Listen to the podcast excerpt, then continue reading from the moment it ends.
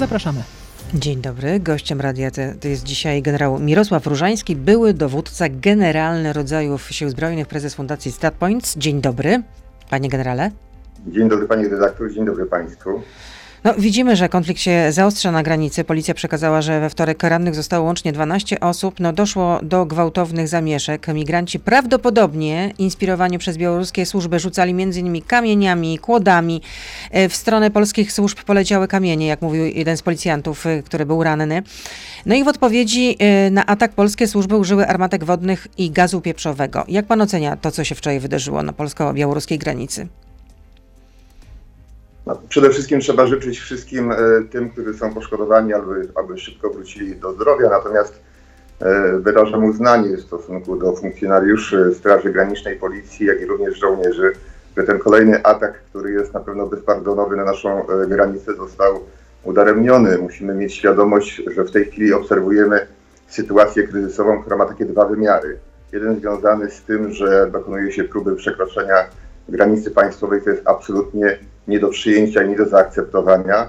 W tym samym wymiarze czasu i przestrzeni obserwujemy kryzys humanitarny, który niestety też jest e, naszym udziałem. Natomiast jestem przekonany, że ten e, wczorajszy taki mocny atak, który został przeprowadzony, on nie będzie ostatnim i będą jeszcze kolejne próby. Tym bardziej, że mamy świadomość tego, że to nie imigranci sami inspirują tego typu swoją aktywność, tylko tak jak pani wspomniała, są oni kierowani przez e, służby białoruskie. Ja nawet jestem tak dalej idący i uważam, że to jest jednak scenariusz, który jest wpisany nie tylko e, w Mińsku, ale e, za tymi wszystkimi przedsięwzięciami stoi jednak Kreml i to jest szerszy plan, który jest realizowany w tej chwili na granicy polsko-białoruskiej, polskiej i Białorusi, która tak naprawdę już jest chyba za niedługo państwem związkowym i połączy się z Rosją. No właśnie wczoraj e, zabrał głos też e, szef e, rosyjskiego MSZ-u, Siergiej Ławrow, który skrytykował użycie przez polskie służby armatek wodnych i mówił nawet o, o strzałach oddawanych nad głowami migrantów no i powiedział, że oni nie mogą nie rozumieć, że naruszają wszelkie normy międzynarodowego prawa humanitarnego. No oni, czyli my, nasza strona, polska strona, polskie służby. Ale, ale to świadczy tylko właśnie o tym, jak bardzo głęboko Moskwa jest zaangażowana w ten konflikt ja chciałbym przypomnieć wypowiedź Ławrowa sprzed e, kilku tygodni, że wskazał, że za ten kryzys, który w tej chwili mamy, e, odpowiada tak naprawdę Unia Europejska i Zachód, który według e, zdania Ławrowa zdestabilizował Bliski Wschód i dlatego mamy do czynienia z tą migracją. Jeżeli chodzi o te komunikaty, które tak mocno płyną właśnie ze strony wschodniej, bo użyję tutaj takiego określenia, czyli z Mińska i z Moskwy, uważam, że niestety one mają taką przewagę w zakresie nośności informacji w stosunku do tego, e, co my w tej chwili prezentujemy publicznie, bo wy Państwo jesteście tak naprawdę skazani tylko na te oficjalne takie komunikaty, które są kierowane przez e, agendy takie jak Ministerstwo Spraw Wewnętrznych czy Ministerstwo Obrony Narodowej.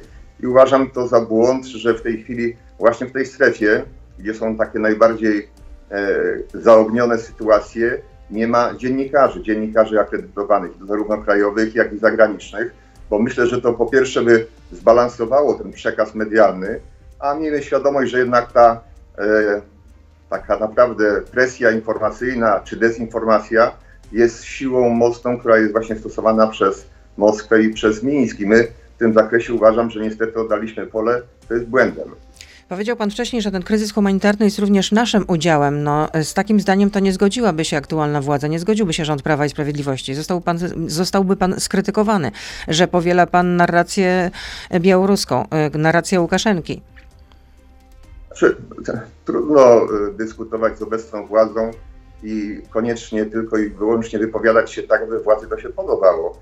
Na tym mi nie zależy. Natomiast e, wystarczy czytać że tak powiem, oficjalne komunikaty. Wystarczy obserwować to, co się faktycznie dzieje, bo jeżeli jest sytuacja taka, że e, w strefie nad polską granicą, czy już na terenie Polski, są sytuacje, że, że ludzie umierają, że, że są tam e, dzieci, które są e, w warunkach skrajnie dzisiaj no, no, wręcz niebezpiecznych, niskie temperatury, deszcz i tak dalej, to, to trudno nie nazwać tego problemem humanitarnym. Myślę, że takie hasło, które jest powtarzane. Ja osobiście też się z nim identyfikuję, że bezpieczeństwo nie, wy, nie wyklucza człowieczeństwa.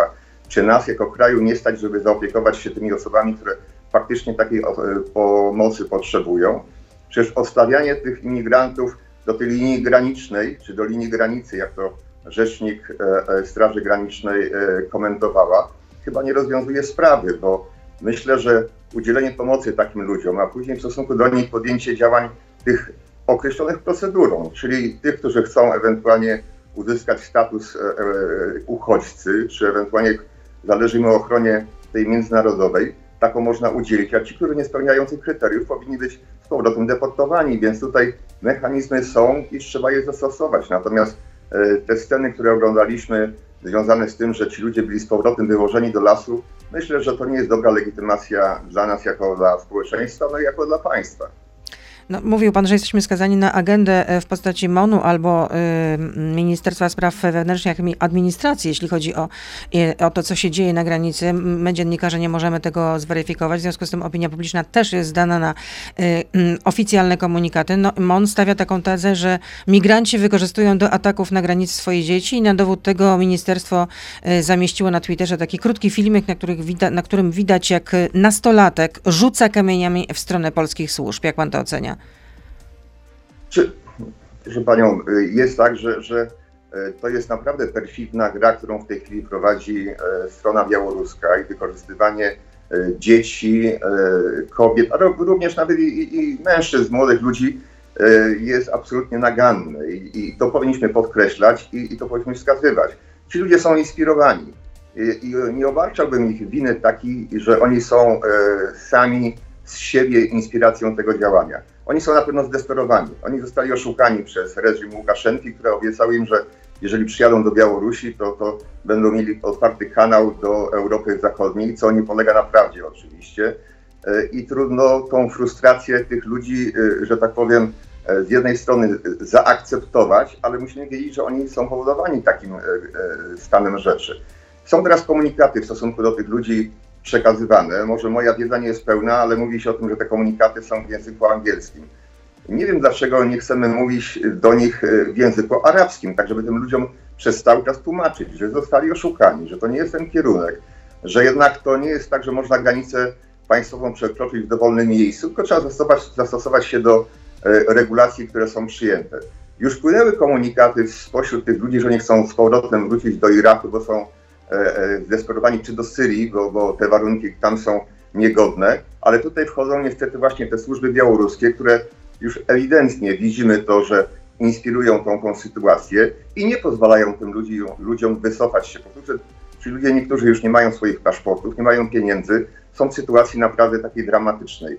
Także y, ta sytuacja dzisiaj jest mocno napięta, a obawiam się, że mimo, że zbliża się zima i tak jak często niektórzy mówią o tym, że generał Mróz też reguluje pewne sprawy związane z konfliktami, to w stronie białoruskiej chyba będzie zależało jednak na podtrzymywaniu tego, tego napięcia tak długo, jak osiągnie swoje cele. A celem między innymi będzie to, że e, po pierwsze Białoruś zostanie w jakiś sposób uznana jako podmiot państwowy, a konkretnie Łukaszenka jako prezydent, bo wiemy, że większość krajów jednak nie zgadza się z ostatnimi e, wyborami. No i oczywiście chodzi o rzecz najbardziej istotną chyba dla Łukaszenki, czyli sankcje, które są nakładane na Białoruś, żeby one były cofnięte. Także determinacja Łukaszenki będzie w moim przekonaniu, że tak powiem, taką główną e, siłą dalej napędową tych e, sytuacji, które obserwujemy na granicy. I tutaj stawiamy pauzę. Y, Kończymy część radiową, ale oczywiście pan generał y, Mirosław Różański, generał rezerwy z nami zostaje. Jesteśmy na Facebooku, na Radio ZPL, na YouTubie, więc proszę zostać z nami. Ciąg dalszy tej rozmowy. Beata Lubecka. Zapraszam. Panie generale, a co się może wydarzyć konkretnie? Bo jakie przewiduje pan rozwój wypadków? Bo Łukaszenka sugerował e, wczoraj, że w każdej chwili w rękach migrantów może się pojawić broń palna, bo jak mówił, no, próby prze, przerzucenia broni już były. To znaczy, Łukaszenka właśnie prowadzi taką narrację potęgującą to, to zagrożenie. Jeszcze kilka tygodni temu e, mieliśmy do czynienia tylko z tym, że są imigranci, że chcą przekroczyć e, granicę państwową. Później pojawiły się e, jakieś przedmioty ty, typu gałęzie, drągi, które były rzucane na przejście graniczne. Później zaczęliśmy obserwować, że są już nawet wykorzystywane narzędzia do cięcia drutu, których na pewno imigranci nie przywieźli ze sobą Syrii czy, czy z Iraku. Natomiast ten komunikat związany z bronią, o której y, mówi Łukaszenka, to jest właśnie takie to stopniowanie tego, tego y, zagrożenia, z którym należy się y, liczyć. A w moim przekonaniu Łukaszence zależy na tym, żeby doprowadzić do sytuacji takiej, że to Polska pierwsza użyje broni, tak aby można było użyć argumentu takiego, że to Polacy po pierwsze są odpowiedzialni za ten kryzys humanitarny, o czym wcześniej mówiliśmy na, na antenie, a z drugiej strony, że to Polacy używają broni i nie będzie się mówiło, że na przykład w samoobronie czy w obronie polskiej granicy, tylko przeciwko y, uchodźcom, którzy znajdują się w tej strefie. I to będzie chyba ten y, czynnik, do którego on będzie dążył. Dlatego tutaj ja liczę na y, rozwagę i, i Straży Granicznej, policji, która wspiera, ale również kolegów y, żołnierzy, że do takiej sytuacji nie dojdzie. Dlatego ten komunikat wczoraj bodajże, który został podany przez rzeczniczkę y, Straży Granicznej, że się nie zawahają do użycia broni, uważam, że jest przedwczesny. Powinniśmy tutaj bardzo oszczędnie deklarować publicznie tego typu aktywności z naszej strony. Czy obawia się pan prowokacji ze strony, po tamtej stronie, ze strony e, Białorusinów? Zdecydowanie tak. Po stronie białoruskiej to już nie są tylko i wyłącznie e, ich funkcjonariusze, czyli pogranicznicy. E, To również są e, ludzie, którzy są e, ze służb specjalnych e, białoruskich. E, Mówi się też o tym, że są tam i, ludzie ze służb specjalnych rosyjskich. Oni nie są po to, żeby tylko obserwować te, e, to zdarzenie, które ma miejsce, tylko po pierwsze mogą inspirować, a uważam, że też mogą prokurować sytuacje, które doprowadzą do tego, co dla nas jest jak najbardziej niepożądane, czyli użycie broni. Określi pan jednak dość e, mm, no, pesymistyczne e, scenariusze, e, ale jeszcze bardziej pesymistyczne scenariusze ostatnio określił, e, pewnie pan, pan o tym czytał zapewne, w generał Nick Carter, czyli szef sztabu brytyjskich sił zbrojnych, który nawet uważa, że wybuch wojny jest bardzo prawdopodobny i że to zagrożenie jest największe od czasu zimnej wojny mm, i że do tego może dojść przez przypadek w wyniku nieadekwatnej reakcji jednej strony na zachowania drugiej strony. Znaczy, y, ja osobiście uważam, że y, na styku w tej chwili między Białorusią a Polską, mówię w tej chwili o naszej granicy, tej granicy Białorusi z Unią Europejską i z państwami NATO, do y, wojny nie dojdzie, bo NATO nie pozwoliłby sobie po pierwsze Putin, a, a z kolei Łukaszenka nie ma takiego potencjału, aby zdecydował się na tego typu e, sytuację. No, proszę, natomiast proszę zwrócić uwagę na e, komunikaty, które płyną e, ze strony Stanów Zjednoczonych, administracji e, Joe Bidena. Te konsultacje e, z Urszulą von der Leyen jednoznacznie wskazują, że e, to może być część szerszego planu i teraz Czyli tak, no, inwazja na Ukrainę krótko mówiąc tak, potencjalna. ta, już y, drugie takie zgrupowanie wojsk rosyjskich y, po stronie właśnie wschodniej Ukrainy, gdzie z kolei rzecznik Kremla powiedział, że to jest wewnętrzna sprawa Rosji, nikogo to nie powinno interesować, to może być sytuacja taka, że tutaj jest takie odwrócenie uwagi od tego, co, co się dzieje, bo wszyscy w tej chwili solidaryzują się z Polską, mówią o tym, że, że chcą, aby te granice e, Białorusi i Unii Europejskiej były bezpiecznymi, a tam następuje przegrupowanie wojsk. Jeżeli tym wymiarze mielibyśmy o tym mówić, że to może być konflikt zbrojny, to raczej bym wskazywał właśnie na wschód e, Ukrainy. A co w praktyce y, oznacza uruchomienie artykułu 4 NATO? Rząd się nad tym zastanawia cały czas, y, no bo nie oznacza to wymiaru militarnego. Znaczy, pani redaktor, niedawno w Sejmie pan premier powiedział o tym, że, że ten przebieg zdarzeń został przez nich, czyli przez rządzących, przewidziany już kilka miesięcy temu. Jeżeli tak, to o takie konsultacje, bo o konsultacjach takich mówi się właśnie w artykule czwartym Traktatu Waszyngtońskiego, że jeżeli jedna ze stron e, uzna, że jest zagrożona e, z jednej strony bezpieczeństwo, zagrożenie terytorialności, naruszenie tego e, ładu, który jest w państwie, to można poprosić o konsultacje z sojuszem. I takie konsultacje według mnie powinny być przeprowadzone, ale co najmniej albo najpóźniej we wrześniu. Dlaczego? Po pierwsze, moglibyśmy przedstawić, jaki jest nasz, o, jaka jest nasza ocena tej sytuacji, która bądź co bądź już była obserwowana na styku granicy e, białorusko-litewskiej. Z drugiej strony moglibyśmy poznać stanowisko poszczególnych e, krajów e, natowskich, bo chciałbym przypomnieć rządzącym, że proces podejmowania w NATO nie jest takim prostym, jak, jak w tej chwili niektórym się wydaje, że tak jak w tej chwili spływają zadania dla jednostek wojskowych, że w ciągu 24 godzin się no, trzeba czy, czy przemieścić w rejon granicy. Tam jest taki sześcioetapowy proces podejmowania decyzji, który jest bardzo restrykcyjnie przestrzegany. Więc mielibyśmy też świadomość, czym naprawdę tak NATO może nas wesprzeć w tym kryzysie. Tylko w zakresie ewentualnie e, doradztwa, czy można byłoby użyć systemy rozpoznawcze, czy można byłoby użyć inne adekwatne środki, które by wsparły nas, jeżeli byłaby taka potrzeba.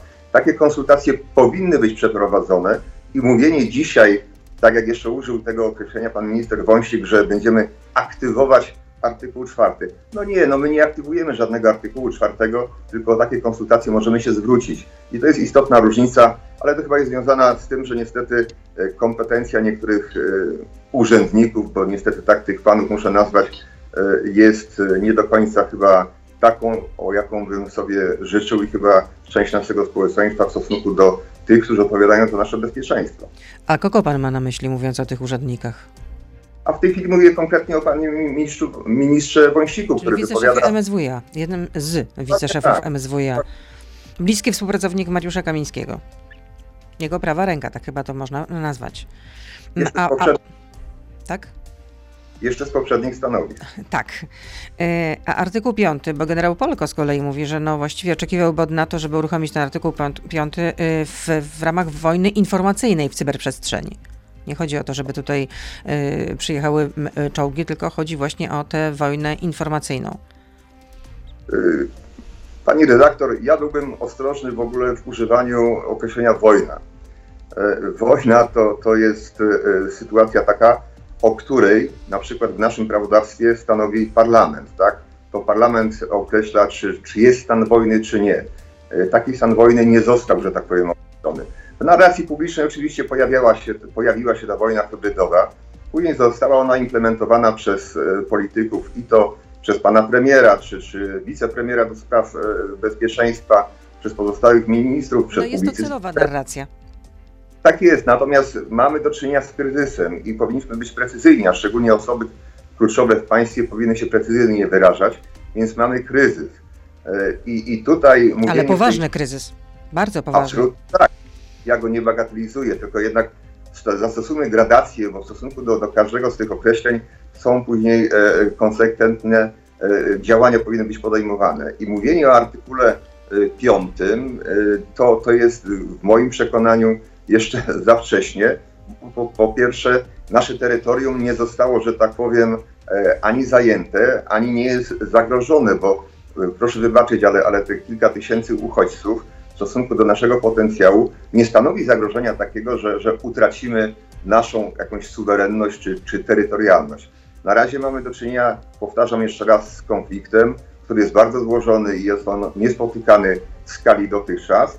I z tym konfliktem uważam, że jesteśmy sobie w stanie poradzić, ale bym był jednak za tym, żeby e, nasza strona, czyli rządowa, nie obawiała się pomocy ze strony e, naszych partnerów, czy to w Unii Europejskiej, czy nawet w NATO, bo proszę zwrócić uwagę, że tak naprawdę to e, pierwsze były takie wypowiedzi, czy to sekretarza generalnego NATO, czy, czy e, polityków z Unii Europejskiej, które nie były inspirowane zwrócenie się przez nas o pomoc, na przykład y, o pomoc Frontexu, tylko te kraje i ci przywódcy zaniepokojeni sytuacją tak naprawdę pierwsi zaczynają deklarować i, i e, werbalnie wspierają w tej chwili nasze działania. Dobrze, że to już przeszło do działań takich bardziej praktycznych, ale to odnoszę wrażenie, że troszeczkę się dzieje tak jakby trochę ponad naszymi głowami. Teraz. No właśnie, miałam o to zapytać, bo przecież Angela Merkel e, dzwoni do, do, do Władimira Putina, z kolei Emmanuel Macron rozmawia z Aleksandrem Łukaszenką.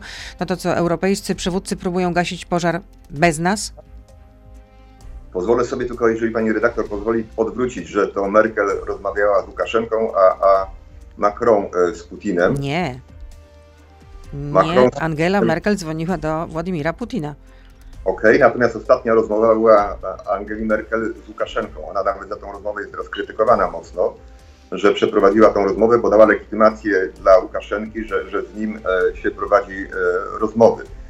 E, Jestem przekonany o tym, że, że, że tutaj chyba nie, nie wprowadzam państwa i pani w No błąd, ale, ale tak, to jest, to jest sytuacja taka, w której politycy Europy Zachodniej chcą zapanować nad sytuacją i jakoby biorą e, sprawy w swoje e, ręce. To chyba e, nie świadczy najlepiej o, o tym, że tak się dzieje, a my w tym procesie tych, tych negocjacji nie, nie uczestniczymy.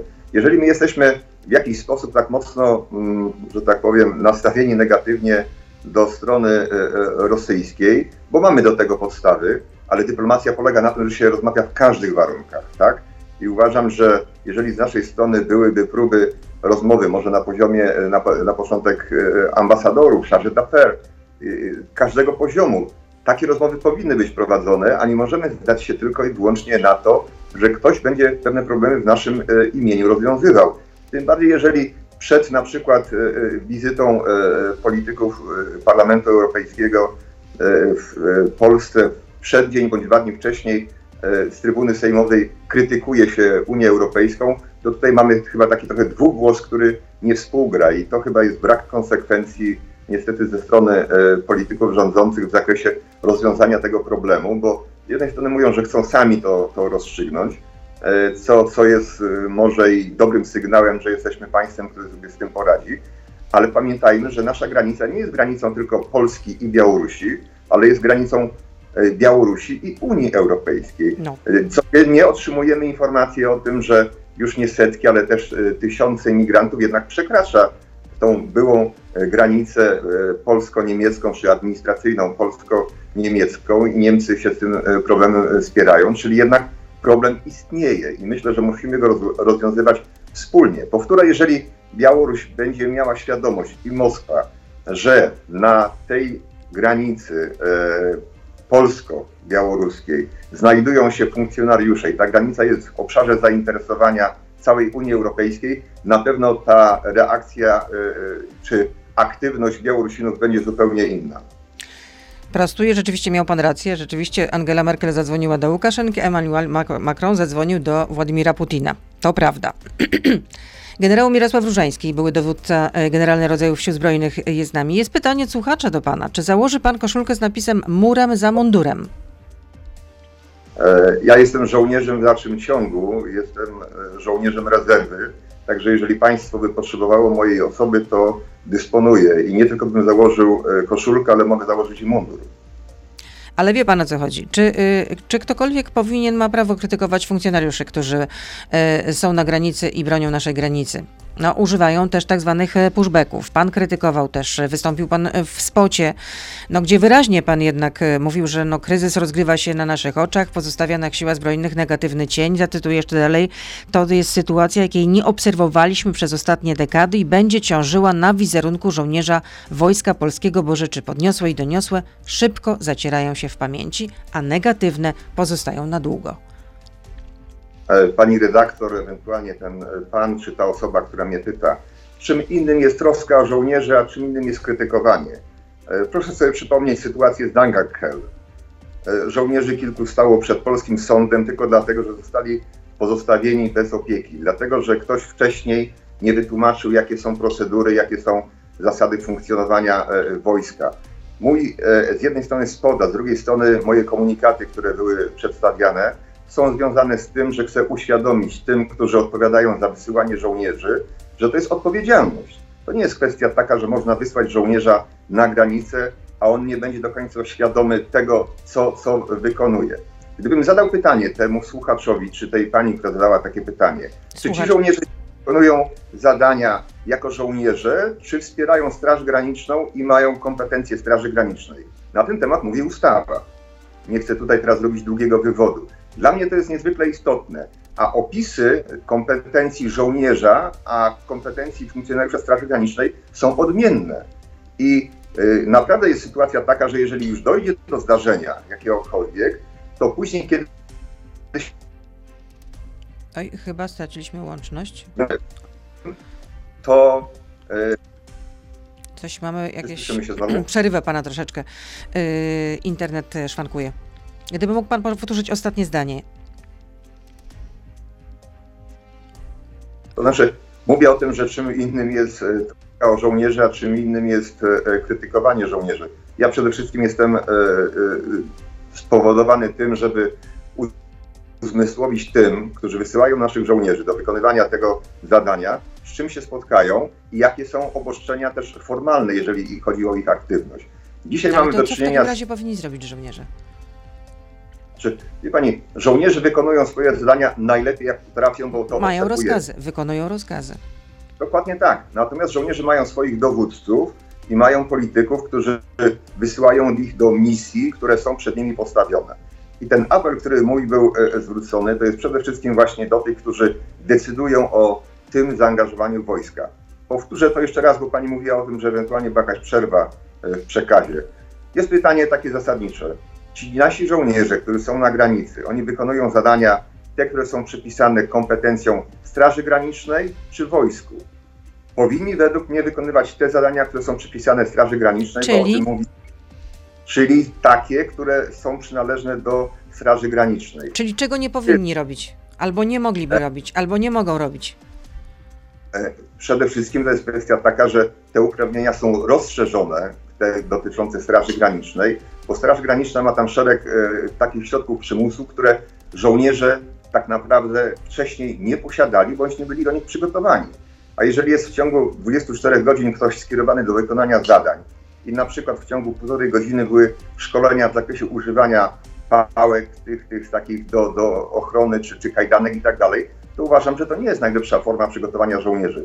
Do każdej misji przygotowaliśmy się tygodniami, nawet miesiącami, żeby żołnierz był do końca wiadomy, co może i w jaki sposób e, e, wykorzystać. Tutaj uważam, że troszeczkę tempo przyspiesza i wyprzedza tak naprawdę faktyczne e, przygotowanie tych, tych, tych żołnierzy. Ci żołnierze tam już są kilka tygodni, także jestem przekonany, że od kolegów ze Straży Granicznej, że tak powiem, uzyskali stosowne instrukcje i tak dalej, ale w tym okresie początkowym, kiedy akurat pani czy, cytuje te, te moje wypowiedzi, to było początek zaangażowania żołnierzy, to wiem, że takiego przygotowania do końca oni nie mieli. Jeszcze raz chcę powiedzieć, mój przekaz jest przede wszystkim skierowany, bo się troszczę o żołnierzy, tych, którzy nawet są w służbie, a ich nie, nie krytykuję. Nasi żołnierze potwierdzili swoją Czyli nie żałuje pan swoich słów i nie żałuje pan, że wystąpił w tym spocie. Rozumiem. Absolutnie nie, absolutnie nie. Cel mojego przekazu był zupełnie odmienny, a to, że nie, nie, nie, nie, nie będę ukrywał, nie jest to dla mnie satysfakcją, że większość moich wypowiedzi jest e, krytykowanych szczególnie przez Ministerstwo Obrony Narodowej, ale gdybyśmy pani redaktor zrobili taki przegląd wypowiedzi od 2017 roku, to ewentualne prognozy czy, czy oceny dotyczące Fortu Trump, czy ewentualnie rozmieszczenia jednostek wojskowych czy, czy e, e, amerykańskich, jakoś żadna nie jest chybiona i tutaj nie chodzi mi o pewien rewanżyzm, żeby teraz się licytować, ale zawsze, jeżeli już się wypowiadam, to tylko i wyłącznie w trosce o nasze bezpieczeństwo i o dobro żołnierzy. No to kolejne pytanie od słuchacza. Czy nadal będzie pan namawiał pan generał żołnierzy Wojska Polskiego do odmawiania wykonywania rozkazów? Chyba nie taka była pana intencja. Nie przypominam sobie, żeby e, komuś e, e, bym sugerował, żeby odmawiał rozkaz, natomiast jeżeli przywołałem... tak mogły być interpretowane pana słowa, no jak widać, sądząc Jeżeli- po tym pytaniu.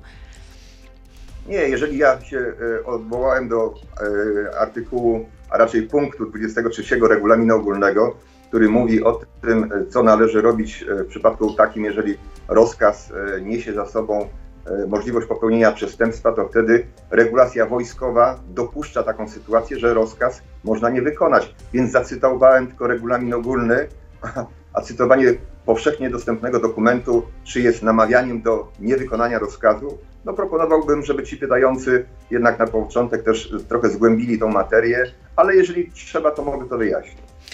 A czy do pana też dochodzą takie informacje, że mm, sytuacja naszych służb i funkcjonariuszy na granicy no nie jest najlepsza, mówiąc tak y, najbardziej delikatnie i y, eufemistycznie, że y, funkcjonariusze są w dużym kryzysie psychicznym, że, że brakuje im wsparcia psychologiczne, że są problemy z zakwaterowaniem? E, Pani redaktor, e, to może takie dwa odniesienia. Od e, września mamy wojsko na granicy, a nie tak dawno na, na mediach społecznościowych mogliśmy obserwować, jak e, konwój logistyczny zmierzał w kierunku granicy i dostarczyć ma kontenery mieszkalne dla naszych żołnierzy. No, ja, ja byłem nauczony tego, że jeżeli wyjeżdżaliśmy na poligon, przyjechaliśmy na misję, to najpierw jeździły grupy przygotowawcze, przygotowały rejon tej operacji, przygotowały zaplecze socjalne i dopiero się wprowadza wojska, które wykonują swoje e, e, zadania. Nie można żołnierzy wprowadzić, mówiąc kolokwialnie, do lasu, a później szykować dla nich e, aprowizację, jak to kiedyś się mówiło. To jest po, po, po pierwsze. Po drugie, tej, tej pierwszej informacji trudno nam jest, że tak powiem, do niej się odnieść, chociażby dlatego, że. No wczoraj tutaj ona... była, tylko tak y, tytułem wyjaśnienia, wczoraj tutaj była y, gościem Radia Z y, posłanka Lewicy, Magdalena Biejat, która była kilka dni na Podlasiu i mówi, że takie informacje po rozmowach ma z mieszkańcami, czy też również z przedstawicielami polskich służb, które tam są na miejscu. Znaczy, pani redaktor, ja, ja po pierwsze to tak, nie, nie ukrywam, że ja mam kontakt z żołnierzami, raczej oni mają no, kontakt... Domyślam się, domyślam się, dlatego pytam. Moje, moje, moje media społecznościowe są otwarte i ja otrzymuję szereg informacji, komentarzy i, i, i nie wszystkie one są, krótko mówiąc, takie, które budują y, y, y, moją, że tak powiem, osobowość i że jestem spokojny o tych żołnierzy, a wręcz odwrotnie. Natomiast nie będę ani cytował miejsc, ani, ani kto przekazuje te informacje. Powiem wprost też w trosce o tych żołnierzy, że nie, nie spotkały się te osoby później z jakimiś reperkusjami. Natomiast E, ta ostatnia informacja, która brzmi tak bardzo, że tak powiem, nośnie, że teraz społeczeństwo e, tam przy granicy pomaga żołnierzom, są jakieś zbiórki e, kubków termicznych, jedzenia i tak dalej.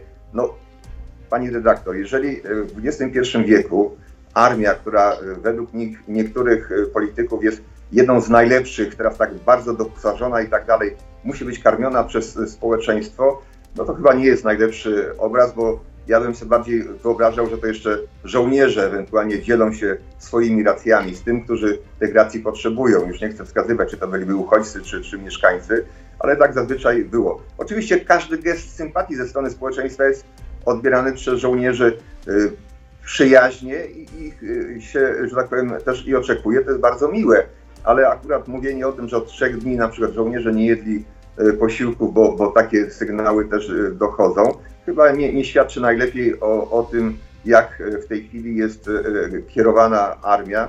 Mówię z całą odpowiedzialnością, bo, bo w tej chwili ministrowie mają takie tendencje, że chcą e, dowodzić. Odsunęli tak naprawdę szefa sztabu od dowodzenia. Proszę zwrócić uwagę, że w Biurze Bezpieczeństwa Narodowego, jak się odbywało spotkanie z prezydentem, nie uczestniczył tam pierwszy żołnierz Rzeczypospolitej. To o czym świadczy, że albo się go pomija, albo... E, Ale mówi pan o y, szefie sztabu generalnego? Dokładnie tak, o generale Andrzejczaku. Więc tutaj chyba te, te struktury dowodzenia zostały lekko, delikatnie mówiąc, y, zachwiane. Chce je wypełnić minister, albo minister chce osobiście y, kierować. Jest kilku oficerów, których mianował, wyznaczył i oni bardzo Czyli Pana zdaniem no nie tylko y, cywile powinni o tym de decydować, tylko również współdecydować powinni praktycy. No myślę, pani redaktor, że najlepiej to, to e, program, który prowadzi pani e, redaktor, niż ktoś, kto by chciał ewentualnie ułożyć taki scenariusz, na przykład jak moja skromna osoba. Także ja wolałbym, żeby. Możemy się kiedyś zamienić, zrobić taki eksperyment. Teraz jeszcze jedno pytanie od słuchacza. Czy według Pana jest teraz, co, co teraz jest najpilniejszą potrzebą wojska, wojska polskiego, polskiego wojska, polskiej armii?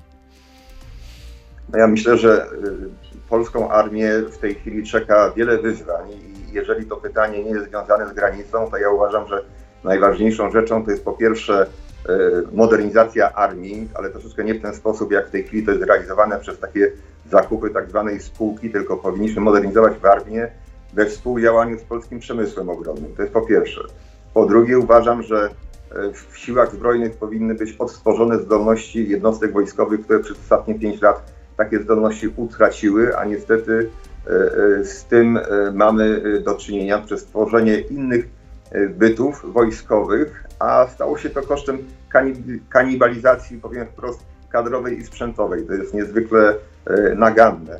I myślę, że czas jest najwyższy, aby wojsko zajęło się szkoleniem i żebyśmy zakończyli tą, tą paradę pikników, pokazów, które tak naprawdę odbywają się przy każdej okazji. Wojsko już jest zmęczone tymi pokazami i do tego wojsko nie jest powołane. Wojsko powinno się szkolić, na placach ćwiczeń i poligonach i być gotowe do tego, aby bronić Rzeczpospolitej. Tak, teraz to robią nasi żołnierze na granicy wspólnie z funkcjonariuszami Straży Granicznej i Policji. E, Czy uważa pan generał, że w Polsce powinno się przywrócić obowiązkowe przeszkolenie wojskowe trwające minimum rok? E, No to jest takie pytanie, które y, bardziej się wiąże z tym, czy, czy powinien być pobór ponownie, że tak powiem, wprowadzony. Y, Zgodnie z prawem istnieje taka, że tak powiem, dalej formuła, że, że możemy y, po prostu obywateli powoływać do służby wojskowej. To jest czasowo zawieszone od 2008 roku. Ja osobiście byłbym za tym, żeby jednak pozostać przy tej formule, tak jak teraz, że, że mamy wojsko zawodowe. Natomiast w tej takiej nowej regulacji, tej, tej ustawie o obronie ojczyzny, która ma wiele niedoskonałości, ale tam jest zaproponowana taka formuła służby, która pozwoli tym, którzy są ochotnikami, żeby w ciągu 12 miesięcy mogli odbyć takie przeszkolenia. I uważam, że to jest dobry projekt, który pozwoli tym, którzy chcą odbyć takie przeszkolenie, tym samym będziemy zwiększali zasoby rezerw e, mobilizacyjnych, bo one są niezwykle istotne. I to jest czynnik, nad którym powinniśmy się skupić, czyli szkolenie e, rezerw e, mobilizacyjnych. I jeszcze jedno pytanie. Jak się panu generałowi współpracuje z Szymonem Hołownią? Bo jest pan w gronie ekspertów. E, Tak, e, z e, Szymonem Hołownią współpracę nawiązałem w grudniu 2019 roku. Współpracujemy do tej pory. Ja osobiście z tej współpracy jestem zadowolony. Dlaczego? Dlatego, że faktem, że jest to po pierwsze człowiek, który tak naprawdę dopiero wkracza na, na scenę polityczną. Myślę, że on dzisiaj już ma ugruntowaną tą swoją pozycję, ale jednak jego staż w tym zakresie jest niewspółmiernie mniejszy od pozostałych, co nie umniejsza z kolei jego aktywności. Natomiast z mojego punktu widzenia wartością dodaną jest to, że e, e, Szymon Hołownia jest człowiekiem koncyliacyjnym e, i przede wszystkim i słucha i przyjmuje do wiadomości te rzeczy, które są przedstawiane i są argumentowane. Nie stawia sytuacji w ten sposób, że on ma monopol na rozwiązanie sytuacji, tylko jest otwarty na każdą sugestię i, i moja współpraca z nim z mojej perspektywy jest e, dla mnie o tyle korzystną, że te treści, które są e, według mnie istotne i związane z bezpieczeństwem naszego kraju, przejawiają się jego później już e, w wypowiedziach takich publicznych, czyli mam świadomość tego, że e, nie jest to tylko i wyłącznie nasz dialog dwustronny, tylko te informacje Szymon Hołownia wykorzystuje w swoich publicznych wystąpieniach, z czego ja osobiście nie tylko mam satysfakcję, ale jeżeli e, jego projekt, projekt Polska 2050 zakończy się sukcesem, to człowiek tak przygotowany przez nie tylko moją osobę, ale innych ekspertów może być istotnym e, e, graczem albo człowiekiem odpowiedzialnym za nasze państwo. I tutaj dojechaliśmy do końca. Naszym gościem, gościem Radia Z był generał Mirosław Różański, były dowódca generalny rodzajów Sił Zbrojnych i prezes Fundacji StratPoints. Bardzo dziękuję i życzę nieustająco zdrowia. Dobrego dnia, kłaniam się. Dziękuję. Wszystkiego dobrego, pani redaktor. To był gość Radia Z. Słuchaj codziennie w Radio Z i na player radioz.pl.